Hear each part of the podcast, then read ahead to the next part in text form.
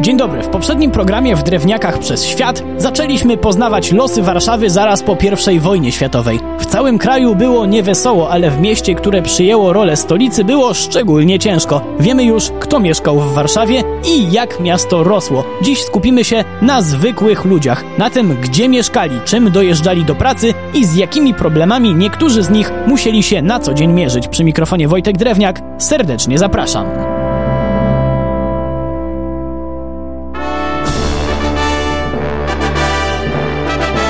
W latach 20. i 30. nasza stolica rozrastała się jak wściekła, a centrum tętniło życiem. Nie każdy jednak był codziennością w takiej zawierusze zachwycony i dość szybko ulubionym miejscem nowych mieszkańców Warszawy stały się przedmieścia, to znaczy przedmieścia. Dzisiaj pewnie w ogłoszeniach określa się te miejsca jako ścisłe centrum, ale wtedy Mokotów to były peryferia. Bardzo modne peryferia, podobnie jak prawy brzeg Wisły, Praga i Saska Kępa. I tutaj na moment pozwolę sobie zrobić krępujący dygresję, ale podobno lżej jest na sercu, jak się człowiek przyzna do błędu. Otóż przez długie lata, słysząc w piosence Maryli Rodowicz, że pachniała Saska Kępa, to byłem przekonany, że Saska Kępa to taka roślina, jak magnolia czy coś. Dopiero z pięć lat temu brutalnie wyprowadzono mnie z błędu.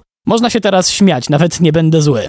Wracając jednak do międzywojennej Warszawy, to powstawały tam nowe domy, które jednak tworzone były nie tylko po to, żeby ludzie mogli tam w miarę wygodnie żyć, nie wypruwając sobie żył płacąc rachunki. Sporą wagę kładziono też na czynnik, o którym dziś deweloperzy raczej nie myślą, na integrację mieszkańców. Sąsiedzi mogli więc często widywać się na wspólnych terenach zielonych i wymieniać spostrzeżenia, na przykład dotyczące pracy robotników. A czym się zajmowali? Choćby przedłużaniem sieci wodociągowej do nowych osiedli. W tym samym czasie powiększano też sieć kanalizacyjną, no bo bądźmy szczerzy, to bardziej było i jest wyznacznikiem komfortu niż wspólne plewienie chwastów. Jak bardzo spoko sąsiedzi by nie byli. Nie mówię o tym wszystkim dlatego, że mam jakiś interes w wychwalaniu pod niebiosa władze międzywojennej Warszawy. To po prostu zachwycające, w jakim tempie dzięki mieszkańcom stolicy i dobremu planowaniu stolica łapała wiatr w żagle, ale pracy nadal było dużo, co mógł potwierdzić każdy, kto popatrzył po wojnie na budynek gazowni.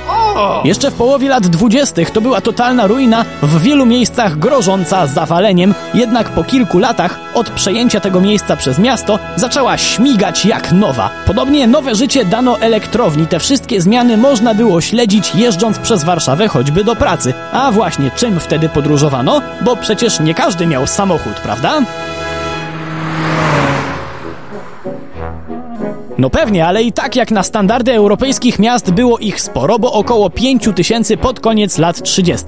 Sporo było motocykli, jakieś półtora tysiąca, ale zdecydowanie większą grupę jednośladów stanowiły rowery. Tych w Warszawie było już 35 tysięcy, a przypomnijmy, że mówimy o momencie, jak nasza stolica liczyła 1 300 tysięcy mieszkańców. To sporo osób, więc poza transportem prywatnym miasto musiało zadbać o transport publiczny. To było o wiele cięższe przedsięwzięcie, niż wiele osób mogłoby podejrzewać, bo może i racja, że tramwaje zaczęły w Warszawie jeździć jeszcze za cara, ale w międzyczasie była dość potężna wojna, której efektem było nie tylko to, że sieć była w ruinie, a tabor ledwo szło poznać.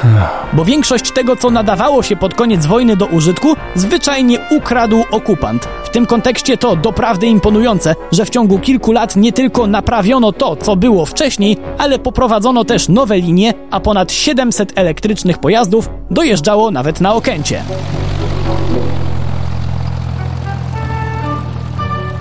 A właśnie, bo powstało też lotnisko. Co prawda nie od razu tam, gdzie dziś, bo początkowo mieściło się ono na polach mokotowskich i tam odbywały się choćby zawody balonowe. Dopiero jednak po przeniesieniu na Okęcie i wyposażeniu w niezbędny sprzęt taki jak radiostacja, port lotniczy ruszył z kopyta i mnożyły się połączenia międzynarodowe. Co prawda do okazałego lotniska, jakie jest w tym miejscu dzisiaj jeszcze sporo brakowało, ale przynajmniej lotnisko było, w przeciwieństwie do metra.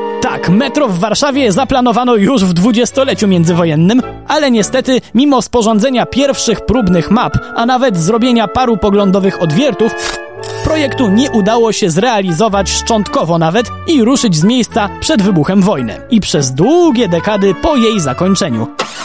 Sytuację ratowały odrobinę autobusy, które były w Warszawie nowością. Co więcej, może nie każdy wie, że pierwsze tego typu pojazdy do transportu publicznego wprowadzone w naszej stolicy to były piętrusy, jak w Londynie. Autobusy zresztą całkiem nieźle się w stolicy przyjęły i jadąc pod koniec lat 30. jedną z kilkunastu linii, można było podziwiać między innymi pierwszy warszawski wieżowiec i inne piękne gmachy, co jednak nie znaczy, że w stolicy były tylko piękne miejsca. Były takie okolice, w których bieda aż piszczała i tym właśnie zajmiemy się w kolejnym naszym spotkaniu. Przy mikrofonie był Wojtek Drewniak. Do usłyszenia.